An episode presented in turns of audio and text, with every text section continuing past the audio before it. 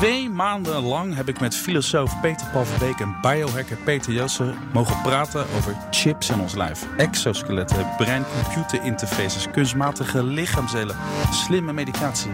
Kortom, over onze bionische toekomst. Dit is de laatste, de tiende aflevering in een serie van tien. Jammer jongen. Ja, ja. Eigenlijk, hè? Ik zal het missen. Nou, nou, mis- misschien gaan we... Nou, oké. Maar het is voorlopig even de laatste. Eh, dus als je deze nu luistert, je stapt nu in. Er zijn er nog negen. Als dit eh, de tiende is die je hoort, dan eh, kun je ze alle tien nog terugluisteren. Dat is ook interessant, want je pikt er eigenlijk toch elke keer weer iets anders uit, hè? Zo is het. Dus het heeft altijd... Eh, vandaag, in deze laatste aflevering van de serie, gaan we eh, een beetje achteroverleunen. Voetjes op tafel. En we gaan een beetje filosoferen over de grote vragen die gepaard gaan met eh, eh, ja, de bio, bio, bionisering Ja, van de- onze bioni, of de technologie. tech- nou ja. Je snapt wat ik bedoel. Na tien afleveringen Ja. gaan we niet meer. Ja. Eh, Peter Paul. Werken we bewust of onbewust eigenlijk niet gewoon aan, on- aan, aan een onsterfelijke toekomst? Of in een toekomst waarin we onsterfelijk zijn? Om er maar gelijk in te knallen. Nou, ik denk dat dat eh, stiekem wel een soort achtergrond is van veel dingen die we doen. Eh, en op bepaalde manieren worden we ook steeds onsterfelijker, als het ware. Want wij lezen nog steeds Plato en Aristoteles. eh, dus die zijn op hun manier ook al onsterfelijk geworden. Maar een andere vorm van onsterfelijkheid. Maar die, die onsterfelijkheid waar we misschien naartoe zouden willen, dat we echt nooit meer doodgaan, dat is misschien eh, een manier om eh, om te gaan met je angst voor de dood, die we allemaal natuurlijk hebben. Dat het straks allemaal over is en zwart en donker. Maar ik denk eh, dat je die techniek eerder moet zien als een manier van omgaan met, met die angst, dan dat het ons echt zal lukken om die dood helemaal uit te bannen. Want jij zegt altijd steeds, eh, je hebt, althans, je hebt een paar keer in deze serie gezegd van de dood is eigenlijk een soort belangrijke drijfveer voor het leven. Het geeft het leven zin, het, de eindigheid ervan. Ja. En tegelijkertijd eh, geeft het ook heel veel inspiratie om te streven naar eh, het uitbannen van de dood. Omdat we dan allemaal technologieën gaan verzamelen om daar dus niet, dat punt niet te bereiken. Ja, ja, het is een rare paradox, maar hij is er wel. Want niemand wil dood. En dat is nou juist ook datgene wat die horizon aan je leven geeft. Want als, het, als je dood bent, kan er niks meer. Maar als je dus nooit dood zou gaan, dan kan altijd alles nog. En is alles ook in één klap totaal betekenisloos. Dus het is de paradox waar we mee moeten leven. En ik zie het streven naar onsterfelijkheid eigenlijk als een manier om met die paradox om te gaan. Waarbij je misschien te makkelijk vergeet dat die andere kant er ook is. Die kant van eindigheid en ook ja, imperfectie, een soort kwetsbaarheid van de mensen. Die we, die we vooral niet moeten vergeten. Peter, jij bent natuurlijk onze huis eh, biohacker. Eh, en jij hebt een heleboel van die technologieën die wij de afgelopen paar weken hebben besproken in meer of mindere mate op jezelf toegepast. Ik denk ook dat jij voorlopig ook een voorloper zal blijven hè, om dit soort dingen te pro- pro- proberen. Eh, je hebt ook vaak aangegeven dat jij eigenlijk meer een onderzoeker bent dan dat je echt. Dat, dat je gewoon eigenlijk meer geïnteresseerd, een beetje een Alice in Wonderland bent. Van Ja. je wilt het een beetje meemaken.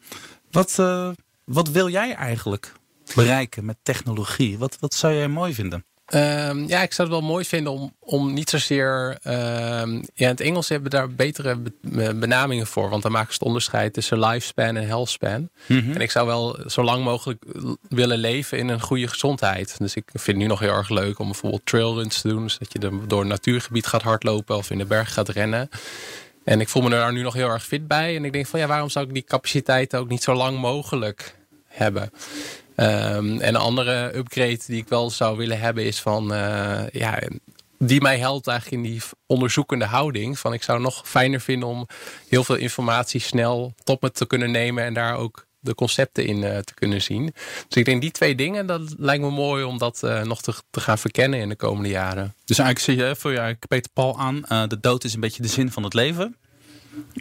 Maar in de tijd dat ik hier dan leef, wil ik wel zo lang mogelijk fit en gezond en misschien wel verbeterd zijn. Ja, ja, eigenlijk wel. En nog wel een interessante aanvulling ook op eh, wat Peter Paul vertelde. Is dat je, we hebben het ook wel vaak gehad uit, uit, eh, over de ja, technologiebedrijven in Silicon Valley. En de mensen daar die, die dingen maken.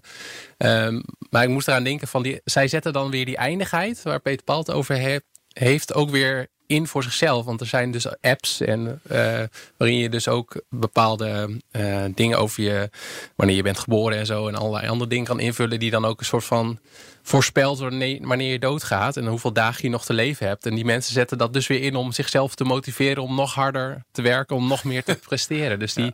Dat wil je toch helemaal niet weten? Ja. ja.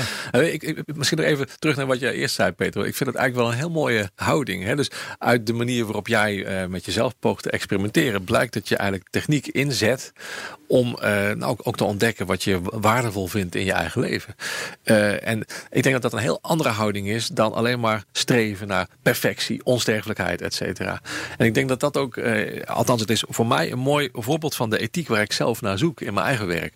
Dus niet een ethiek die aan de noodrem wil trekken en wil zeggen, nou dit mag allemaal niet en we moeten de grenzen aanstellen. Maar meer een ethiek die open wil onderzoeken wat er op het spel kan staan. En die juist vanuit die open houding, onderzoekend, experimenterend, wil onderzoeken, nou wat zou nou een goede toekomst kunnen zijn en hoe kunnen we toewerken naar zo'n goede toekomst. Dus dat is, wat eh, wou ik nog even zeggen, want uh, nou. ethische vragen gaan heel vaak over hè, ja, nee, willen we het wel, willen we het niet. En volgens mij zijn we heel mooi met z'n allen nu die afgelopen uh, negen keer op zoek geweest naar hoe, hoe het dan goed zou kunnen gaan. En stel nou dat we erin slagen omdat we inderdaad goed doen, hè? maar we slagen er ook tegelijkertijd, hè? want ik denk dat iedereen natuurlijk een hele fijne filosofie vindt. Uh, we worden misschien wat ouder, maar uiteindelijk sterven we. Maar die, die paar jaartjes die we hier hebben, of het nou 80 zijn of 120 of 150, die gaan we in zo goed mogelijk gezondheid uh, benutten. Hè? En, en, misschien ook wel met verbeteringen. Maar stel nou dat we er toch in slagen om onze lichaamsdelen, welke het ook is, om te vervangen als ze kapot gaan. En we dreigen dus onsterfelijk te worden. Zullen we dan onze dood moeten gaan organiseren? Ja, ik denk het wel. Ja, de vorige keer hadden we natuurlijk uh, over de science fiction. En uh, dan moet ik denken aan de film In Time, die, die ik toen niet mocht behandelen. Maar daar ging het inderdaad over dat je een beperkt hoeveelheid tijd hebt. En uh, nou, daar, daar zitten, spelen nog meer mechanismen in. Maar je, dat we anders met de dood omgaan, eh, dat is nu eigenlijk ook al bezig. Hè? Want uh, als je kijkt naar discussies die er nu al gaan, bijvoorbeeld over euthanasie. Mm -hmm. Dat was er, laat ik zeggen, echt uh, 50 jaar geleden niet. Dus ja, op het moment dat we echt veel ouder worden, krijg je daar ook misschien hele andere arrangementen in. Of misschien wel bepaalde wetgeving. Of ja, wat doen we ook met heel veel mensen op aarde? Uh, ja, dus allemaal van dat soort ik denk dat dat wel gaat ontstaan. Want die vragen, die, ja, die werp jij nu al op. En ik denk als we allemaal 200 worden of 1000 of onsterfelijk... ja, dan kan het gewoon niet lang uitblijven voordat het ook een maatschappelijke discussie wordt. Ja, ik kan je het voorstellen? Ja, ja nee. natuurlijk naar jou. Ja, kijk, er is nog weer een verschil tussen onderdelen vervangen als ze ziek zijn of stuk gaan en de veroudering stoppen. He, want je kunt wel eh, een nieuw hart, maar als je lijf nog steeds ouder wordt en verder aftakelt, op een gegeven moment houdt het op. Ja. dus onsterfelijk word je daar nog niet van. Maar ik denk wel dat naarmate we steeds langer leven, ook inderdaad de vraag naar verantwoordelijkheid nemen voor het einde van het leven steeds groter wordt. He, dat we onsterfelijk worden, zie ik zo gauw niet gebeuren. Maar dat we op een hele nare manier oud worden. Als we heel oud worden, zie ik eigenlijk wel steeds meer gebeuren. En dat mensen denken, ja, ik wil niet totaal ja, zeg maar, dement, uh, zonder dat ik nog ben wie ik ben, oud worden. Ja. En ik kan me wel goed voorstellen dat we dus steeds meer als onderdeel van het leven en het verbeteren van het leven ook eh, gaan zien dat we het einde van het leven op een menswaardige manier vormgeven. Dus dat is uh, misschien een heel andere wending dan dat je denkt van nou, we worden onsterfelijk, dus we moeten kijken of we daar nog iets, iets mee kunnen doen. Maar juist die race naar de onsterfelijkheid laat ons zien hoe we dood zouden kunnen willen gaan. Ja. Wat, waar ligt eigenlijk de grens van wat wij technologisch gaan kunnen? Is dat gewoon de dood? We gaan gewoon dood. Dus wat, wat, wat we ook doen, we zullen ook gewoon eh, sterven? Wat, wat, waar ligt nou eigenlijk de grens dan? Wat jou betreft? Ja, ik heb geen idee. Uh, echt niet. Ik bedoel, uh, er is zoveel technologisch nu mogelijk waarvan we ooit dachten dat het nooit zou kunnen. Uh, en ja, het is misschien wel een hele filosofische opmerking, maar het hangt natuurlijk ook heel erg van af wat je definieert als leven en dood. Of je iemand onsterfelijk vindt of niet. Hè, dus het is maar net welk stukje van jezelf moet blijven bestaan. Ons hele lijf is sowieso in, om de zoveel jaren is elke cel totaal vernieuwd. Dus ben je dan nog wel degene die je vijf jaar daarvoor was of zo. Hè, dus het is maar net hoe je het definieert. Maar ik denk dat we steeds beter in staat zullen zijn om steeds ouder te worden. Absoluut. Ik, ik, ik denk niet dat daar een principiële grens uh, aan zit. Ja. zou, zou, sorry, ik onderbreek je. Zou het Singularity Point een grens kunnen zijn uh, aan onze ontwikkeling? Omdat we dan gewoon technologie creëren die ons de baas wordt? Ja, dat is inderdaad, uh, dat zat ik ook al aan te denken. Dat, dat het, het Singularity punt. Er zijn verschillende definities van. Nou, maar... Misschien moet je eerst even proberen uit te leggen wat, wat, wat, wat, wat dat ongeveer een beetje is. Nou, de, de, er zijn er twee. De, ehm, de, eerste is van, op, dan bereiken we het niveau van superintelligentie, waar de vorige aflevering uh, ook al uh, over hadden, of die keer daarvoor. En de andere is van de technologie die vermengt zich met elkaar. En dat gaat ook zo snel dat we niet meer kunnen bijbenen. Dus een bekend term in deze, ehm, hierover is NBIC-convergentie. Dat staat voor neurobio uh, Cogno en Info uh, convergentie van al die technologieën smelten samen. En wij als mensen hebben er geen vat meer op wat er gebeurt. En ja, dat, dat zou het punt kunnen zijn dat we echt significant die grenzen van ons mens zijn doorbreken. En een van de, als je, je moest nadenken over je vraag van, nou, wat zou dan de grens van de mens kunnen zijn? Dat, er binnen de transhumanisme ook wordt gesproken over mind-uploading als het eindpunt. En dat houdt dus in dat we het echte aantal voorlopers in, in deze scene die zeggen van ja, het menselijk lichaam dat is, dat is helemaal niet te prefereren. We kunnen beter onze gedachten uploaden in de cloud. En dan heb je bijvoorbeeld ook, dat stelt ons, ons ook in staat om naar verre sterrenstelsels te reizen. Want dan, ja, als je met dit lichaam de ruimte ingaat, dat, dat is helemaal niet goed voor je met straling en gebrek aan zwaartekracht. Dus we hebben het menselijk lichaam is gewoon. Uh, hopeloos verouderd en we kunnen het beter digitaal doorleven. En dat zou dan echt de extreme, ja, spreek je dan nog over Bionic Man, vraag ik me af. Maar dat wordt wel gezien als, uh, ja, als digital man ben je dan eigenlijk. Ja, echt een digital man. Ja. ja. Ja, dus eigenlijk schets je er twee. De ene is dat de mens zelf zich exponentieel ontwikkelt en zo super intelligent zou gaan worden dat wij onszelf nu niet meer zouden kunnen herkennen in die opvolger van ons. Hè. En de andere is dat de techniek buiten ons zo exponentieel goed wordt dat wij zelf in de schaduw komen te staan en eigenlijk achterhaald worden door ons eigen maaksel. En ik denk maar welke van de twee vind jij het meest realistisch? Of zijn ze allebei? Ik vind ze geven beide realistisch. Of eh, misschien wel allebei even realistisch. Maar dan is het gewoon business as usual. In de zin dat er al ah. heel veel singularities zijn geweest. En de totale disruptie, totale ontwrichting zou je kunnen zeggen. Want dat zou je nu niet meer zo noemen. Van de maatschappij door het schrift of de boekdrukkunst. De hele reformatie hing erop. De emancipatie van het volk. De hele verlichting. Totaal omwenteling in de cultuur. Moet je je voorstellen. De kerk was de baas van alles. En opeens krijg je wetenschappers. Dat is allemaal dankzij de boekdrukkunst. Dat is een soort van singularity. Dat kreeg een soort eigen momentum, een, een tempo. Die boeken die werden gedrukt en verspreid. Bibliotheken kwamen. Ah, een enorm tempo. Nou, ik, ik denk dat je op, op zo'n manier ook kunt kijken naar de geschiedenis. Dat we de mens die is voortgekomen uit die boekdrukkunst, als het ware, haast niet meer kunnen vergelijken met de mens die daarvoor was in bepaalde opzichten. En daar kunnen we heel veel van leren om ook voor de toekomst na te denken over wat al die nieuwe ontwikkelingen die nu nog veel sneller gaan dan ooit. Dat is natuurlijk wel echt een dingetje. Hmm, maar een dingetje, hoe, we daarop zouden kunnen anticiperen. En dat is dan misschien wel de, de singularity waar ik zelf de grootste uitdagingen zie. Kunnen we het nog snappen wat er zal gaan gebeuren. Je, je wilt toch graag een beetje kunnen anticiperen om je voor te bereiden op de toekomst. Of zelfs eh, kunnen interveneren in de ontwikkelingen van nu om die een goede richting te geven. Maar als er zo'n complexe uh, samenwerking komt tussen al die wetenschapsgebieden dat je dat niet meer kunt overzien, dan wordt het heel moeilijk om verantwoordelijkheid te nemen. Verantwoordelijkheid te nemen, ja. Vooraf dan. Ja. ja. Maar, en um, hoe, hoe, hoe past eh, deze ontwikkeling dan in, onze in de evolutietheorie? Ja, het is, ik heb hem al eerder genoemd. Een vriendje van mij die kwam daar mee. Of wordt de biologische evolutie straks een soort... Wordt dat, eh, wordt, gaat hij heel langzaam over in een technologische evolutie? Ja, dat zou je wel kunnen zeggen. En niet alleen ja, biologische evolutie gaat eigenlijk om uh, selectie en replicatie van genen. Mm Je zou nu kunnen zeggen, een aantal afleveringen geleden hadden we ook over designerbabies. Dat we nu echt in staat zijn om onze, onze genen al aan te passen. Dus in, in, in die zin hebben we al daadwerkelijk invloed op onze evolutie. En de vraag is van, ja, hoe ver gaan we daarin? En gaan we inderdaad straks ook niet alleen onze biologische evolueren versnellen. Maar gaan we ook inderdaad uh, bionisch onszelf uh, versnellen en aanpassen. En nemen dan echt onze evolutie in, onze eigen handen. Ja, maar ja, dit is eigenlijk in zekere zin ook al een soort van oud nieuws, als ik het zo mag zeggen. Want, oh. nou ja, dat is, dat is, misschien altijd een rare gedachte, maar de manier waarop wij als mens ons ook biologisch hebben ontwikkeld, kun je helemaal niet loszien van techniek. Het feit dat we vuur zijn gaan stoken, heeft implicaties voor hoe ons spijsverteringsstelsel werkt en hoeveel haren we op onze rug hebben. en dat we niet meer zo nodig hebben, die vacht, en ook konden overleven zonder die vacht. Dus er zit al heel veel technologie in ook onze biologische make-up.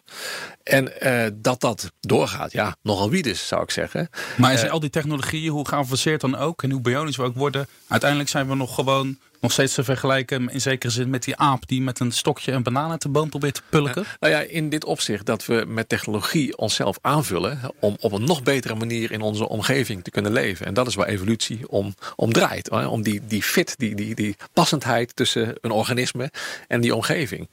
Dus als je dan zegt, we gaan onze evolutie in eigen hand nemen. Ik, ik vind dat ook een beetje uh, soms. Uh, dat, ik, ik, ik snap de gedachte heel goed, maar het is eigenlijk ook een soort zelfoverschatting. Want je moet eerder zeggen, wij zijn gewoon het product van de evolutie. Dat we dit zijn gaan doen. Dat wij techniek hebben, dat komt doordat we zo zijn geëvolueerd. Maar toch, je hebt dat eerder gezegd, hè? dit is gewoon eigenlijk de niche die wij innemen in, in de evolutie. Maar toch, op het moment dat wij onsterfelijk worden, stopt dat volgens mij. Of op het moment dat wij een, een, een technologische soort creëren, die ook buiten ons uh, invloed zich kan voortbestaan en zich kan. Dan is dat toch wel een, een breuk. Met ja, eh, kijk, of nog steeds niet. Ik zou zeggen, dan zullen we zien wat de evolutie voor ons in petto heeft. dat we die zelf in handen kunnen nemen, is volgens mij die machtsfantasie van de techniek die niet klopt. Ah. Kijk, intussen sukkelen we met z'n allen de afgrond van een enorme ecologische crisis in. Die echt niet meer te ontkennen valt. En die enorm ontwrichtend zal zijn, denk ik. Nog veel ontwrichtender, ontwrichtender dan een eventuele singularity. Dus dan slaat de aarde terug, zou je kunnen zeggen. En als we allemaal onsterfelijk worden, ja, ik, ik zie niet zoveel toekomst voor zo'n enorme bult mensen. Tenzij we dan inderdaad de ruimte ingaan. En misschien dat we dan een nieuwe fit vinden. En daar is op zich wel plek zat. Ja, zeker. Het is, een, het is niet echt gezellig, maar maken we het wel gezellig. Kunnen we allemaal op een eigen planeetje gaan zitten. Dus ja, met onze bionische pakjes aan. ja, ja, dus jij blijft gewoon, dit blijft, we blijven gewoon deel uitmaken van die evolutie. Nou, die evolutie gaat om de passendheid tussen een organisme en de omgeving. En die omgeving, die raak je uit het oog kwijt als je zegt, wij gaan zelf onsterfelijk worden. Het gaat dan om de vraag, kan zo'n onsterfelijk mens nog wel goed passen op deze aarde. En eh, dan ben je de macht alweer een beetje kwijt. Want dan gaat het ook om hoeveel de aarde eigenlijk met ons wil. Peter, in, in, in voorbereiding van deze aflevering heb ik natuurlijk ook op YouTube een beetje zitten speuren naar, uh, naar leuke denkers of TED-sprekers die met grote vergezichten komen. En ik zei het op één man, en ik ben nu toevallig zijn naam meer kwijt, zou je altijd zien. Uh, die zegt, we gaan onherroepelijk een toekomst tegemoet waarin wij onze breinen aan internet gaan koppelen. We hebben het er natuurlijk al over gehad hoor. Maar ik vind het leuk om het in deze uitzending toch, toch nog even op tafel te gooien. We zullen al onze kennis, al onze ervaringen kunnen gaan delen met, elkaar. Zonder dat we een woord hoeven, hoeven spreken. We kunnen, ook, eh, dus we kunnen elkaar eens leven in zekere zin uh, leiden. Uh, we zullen helemaal loskomen van onze fysieke lichaam, van onze fysieke beperkingen. Uh, en dat is toevallig ook het, het, streven van alle religies op aarde. uh, en van de spirituele, dat je gewoon dat ontstijgt. hij zegt, als wij zover zijn, dan is dat een soort hemel op aarde. Overvloed. Ja. Ja, ja. Ja, ik, hij, hij, klonk alsof hij een hele grote bak met cocaïne had opgesnoven. dat moet ik wel zeggen. Maar het schijnt toch wel een, uh, een baasje in Silicon Valley te zijn. Ja, die nemen ja. dan tegenwoordig serieus. Ja. Wat vind je daarvan? Ja, ik denk dat je doelt op uh, Steve Hoffman. Daar ja, heb inderdaad ook een dat is hem, ja. uh, video van gezien. En ehm, ja, de, de vraag is of we inderdaad kunnen uploaden en dat soort dingen. Um, ik denk dat dat op een gegeven moment wel kan. En waar we het eerder over hebben gehad, van dat dat een soort van logisch eindpunt is van, uh, uh, van hoe we dan als mens uh, verder kunnen leven. Maar het meest interessante aan jouw beschrijving vind ik inderdaad de vergelijking die hij maakt met religies. En wat je dus al ziet is, ja, er wordt wel eens smuilend de singularity kerk genoemd of het transhumanisme geloof. we gaan er wel steeds meer naartoe dat technologie inderdaad de, de rol overpakt van religies. En of dat dan ook mee te maken heeft van ja, binnen religie heb je een, een hemel of een hiernamaals of een reïncarnatie of dat soort dingen. Maar heb je dat nog wel nodig als we inderdaad onsterfelijk worden? Dat vind ik wel een interessante vraag. Ik zou het zelf willen omdraaien. Ik denk dat technologie door en door religieus is. en dat oh, het niet de rol overpakt van de religie. Nou, al, al dat streven naar onsterfelijkheid, et cetera. Daar zoeken naar een soort geluk. Uh, wat je dan zou kunnen maken. Ik denk dat dat, dat is eigenlijk uh, ja, uh, zoeken naar een antwoord op je eigen levensvragen. Op je, op je eindigheid. Op, nou ja, als het ware wat er, wat er niet, niet, niet, niet af aan jou is. Of niet heel is, niet fijn is of zo. dus je, je eigen oneindigheid ervaar je in je leven. En je- zoekt naar een manier van omgaan daarmee. En ik denk dat technologie ons nu antwoorden biedt op die vragen die ooit de religie ook bood. Da daarom vind ik het vaak ook zo jammer dat allerlei religieuze organisaties zo conservatief zijn ten aanzien van techniek. Omdat je dan eigenlijk eh, die hele ja, zeg maar religieuze kant of existentiële kant, hoe je het ook wil noemen, Mhm. spirituele kant van de techniek eh, ontkent. Als, als, als het Vaticaan tegen IVF is, omdat je een kind niet maakt, maar ontvangt. Dan denk ik, nou, ga dan maar eens praten met mensen die via IVF een kind, via IVF een kind krijgen. Die poging na poging moeten doen. Nou. En die het als een nog groter wonder haast zien als het een keer lukt. En wat, zegt dat die- dan over de, wat zou dat dan moeten zeggen over dat mens wat er dus wel is gekomen?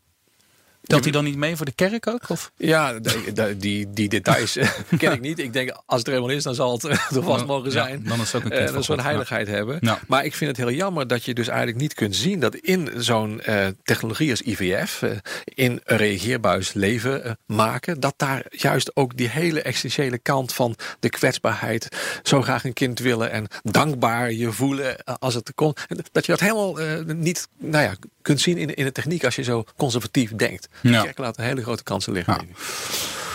Nu hebben we het natuurlijk ook vorige week. we- Het gaat vaak over de toekomst van technologie en eh, van onze wereld. En dat is vaak een dystopisch beeld wat we daarvan hebben. Het zou net zo goed een heel prettig eh, toekomstbeeld kunnen zijn. Ehm, hoe dwingend is die technologische ontwikkeling? Hè, we, eh, ooit een keer in onze eerste, een van onze eerste afleveringen is volgens mij de, de, de, de spreuk gevallen. wat eerst een, een, een mogelijkheid is voor sommigen, wordt uiteindelijk een, bijna een verplichting voor, voor, voor ons allemaal. Geldt dat inderdaad? Is dat echt wat er gebeurt? Ja, ik denk in zekere zin wel, maar misschien op een nog iets subtielere manier. dat, eh, kijk, in het beeld zoals je het nu schetst, heb je bepaalde mensen die autonoom zijn en iets willen. En dan gaat techniek de omgeving veranderen en dan kun je niet meer doen wat je wil. Eh, en, en dat is ook terecht een zorg, denk ik. Hè? Als je kunt voorkomen dat je een kind met Down krijgt, eh, dan wordt het ook steeds moeilijker om nog te kunnen kiezen voor een kind met Down.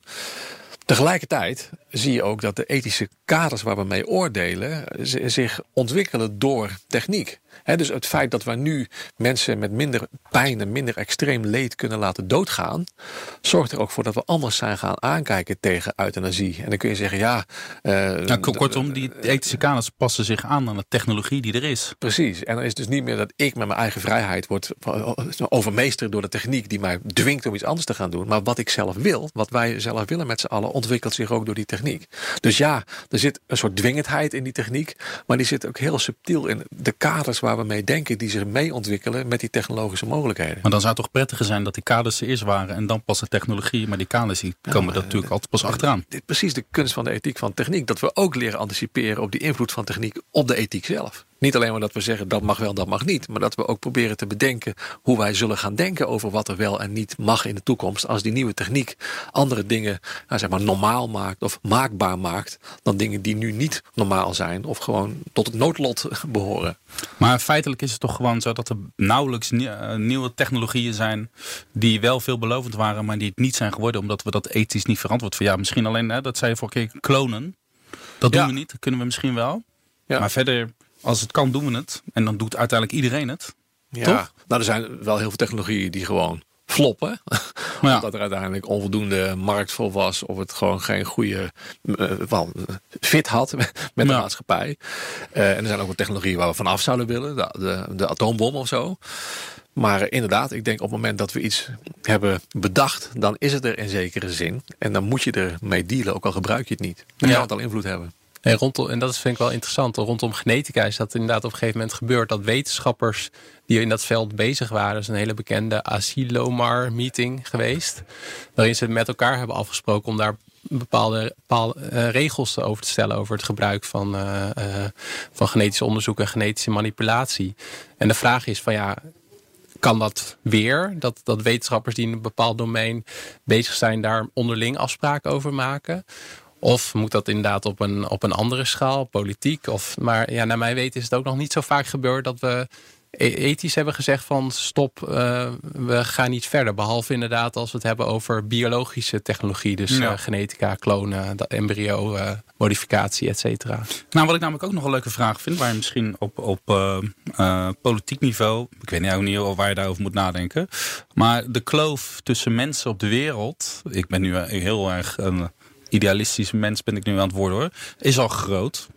Echt, het merendeel van de mensen heeft, kan niet eens normaal naar de wc, heeft geen schoon drinkwater, die worden aan de lopende band ziek. En die kloof is al gigantisch. Wordt die kloof niet alleen maar groter straks? Ja, dat risico, of dat risico bestaat wel. En uh, dat wij hier, uh, wij hebben natuurlijk ook de luxe dat we hier uh, in de westerse wereld zijn geboren. En dat we nu dit gesprek kunnen voeren. En de mensen die naar deze podcast luisteren, dat ze een telefoon hebben en naar deze podcast kunnen luisteren. Terwijl grote delen van de wereld mensen inderdaad hele andere issues hebben. En dat vind ik ook wel interessant als we het hebben over onsterfelijkheid. Dat dat inderdaad wel een soort van luxe is om daarover na te denken. het is eigenlijk van White man's privilege, ja, absoluut. Ja, ja. en de, de vraag is van ja, moeten we daar moeten onze energie en tijd en geld niet op andere zaken richten? Ja. ja. Nou, dat is een leuke vraag. Ja, dat is een leuke vraag. gaat hem beantwoorden.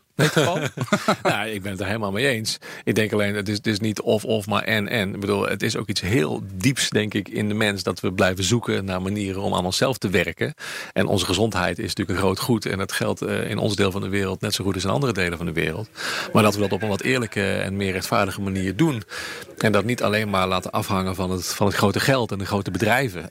maar dat we dat ook zien als iets waar we als gemeenschap en samenleving wat mee moeten. Ik denk dat dat uh, heel heel, heel, heel essentieel is, ja. ja. En er zijn ook wel twee visies op. Dus de ene visie is ook van uh, wij moeten dat, wij, wij in de westerse wereld moeten die technologie ontwikkelen. Want op een gegeven moment wordt het goedkoper en dan kan de rest van de wereld het gebruiken. Een mooi voorbeeld is uh, Anastasie.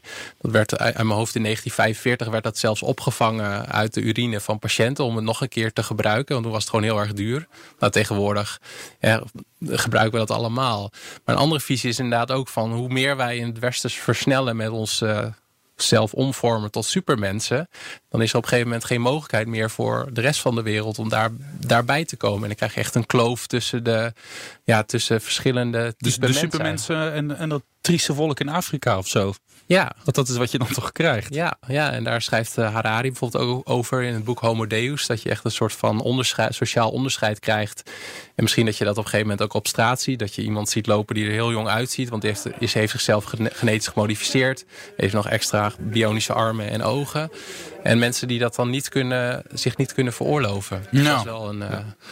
En soms zie je natuurlijk ook technologische ontwikkelingen die juist uh, ook uh, buiten de westerse wereld een enorme impact kunnen hebben. Hè? Het feit dat we nu allerlei ja, zeg maar, draadloze technologie hebben, heeft in heel veel Afrikaanse landen de mogelijkheid geopend om te communiceren zonder dat overal kabels moeten worden aangelegd. Hè, dus ik denk dat er ook goede manieren zijn om technologie vanuit zo'n mondiaal perspectief te ontwikkelen en, en in te bedden. Het punt is dat er natuurlijk weinig plekken zijn waar we dat doen. Waar we die vragen mondiaal stellen. Binnen UNESCO, waar ik zelf ook actief ben in de ethiekcommissie van wetenschap en techniek, oh. doen we dat. Uiteraard. En, en daar ben je natuurlijk erbij betrokken. Ja. dat, dat, is ook eigenlijk wel een van de allermooiste dingen die ik ja, uh, doe in mijn ik. werk, geloof ik. Omdat je dan met alle culturen van de wereld aan tafel zit en poogt het samen eens te worden over de ethiek van robots. Bijvoorbeeld, hè, waar we net uh, een, uh, een stuk over geschreven hebben. En alle lidstaten van UNESCO, uh, uh, nou ja, uh, verhouden zich tot zo'n rapport. Al de regeringen die wetgeving gaan ontwikkelen over robotica, gaan op zijn minst in, in discussie met zo'n nota. Dus ik denk dat we daarvan moeten hebben, om ook juist de, de vragen, de zorgen, de ook eigenlijk belangen van andere delen van de wereld dan het Westen op tafel te krijgen. We worden langer gezond. We worden misschien wat ouder. En we kunnen misschien beter tillen, beter zien, beter horen in de toekomst. Worden we ook gelukkiger, Peter? Ja, dat is natuurlijk de grote, grote hamvraag van... Uh, ja, wat is geluk? Uh, misschien word jij van andere dingen gelukkiger dan, dan ik of uh, Peter Paul. Uh, maar ik denk van ja, als je mij zo die vraag stelt, dan denk ik van ja, hoe langer ik in goede gezondheid kan leven, hoe meer dingen ik ook in mijn leven kan ervaren. En misschien ook dat je, maar dat is natuurlijk wel interessant, van hoe meer tijd je hebt qua jaren, dat je ook gedurende de week, die ik bijvoorbeeld nu heb, rustiger aan doe. Om wat meer van de dingen te genieten. Dan zal het in de praktijk waarschijnlijk anders zijn en dende je gewoon door. maar ja, ik, uh, ja, in essentie denk ik dat we wel de mogelijkheid hebben om gelukkiger te worden. Maar dat het wel de vraag interessanter wordt van waar word je gelukkig. En misschien ook van dat je daar ook je bionische upgrades op afstemt. Dus Peter Paul wordt gelukkig van uh, piano spelen. Hebben we het een paar keer over gehad. nou, misschien kiest hij er daarom voor om uh, zijn gehoor te upgraden. Of om uh, een armprothese te nemen. Of een derde hand. Zodat hij nog mooier kan piano spelen. Twee piano's tegelijk. Ja. Dus, maar dan komt het wel neer op dat, ja, een soort van innerlijke zoektocht. Van wat vind ik belangrijk? Waar word ik gelukkig van? En wat zijn mijn eigen waarden? Ja, voor mijn gevoel leidt dat dan toch tot een soort consumptiemodel van geluk. Zo, je hebt een paar dingen die pak je uit het schap. En als ik die nou maar goed voor elkaar heb, dan ben ik echt gelukkig. Ik denk dat uiteindelijk het geluk uh, ook zit in een soort match tussen, tussen wat je wil en wat kan.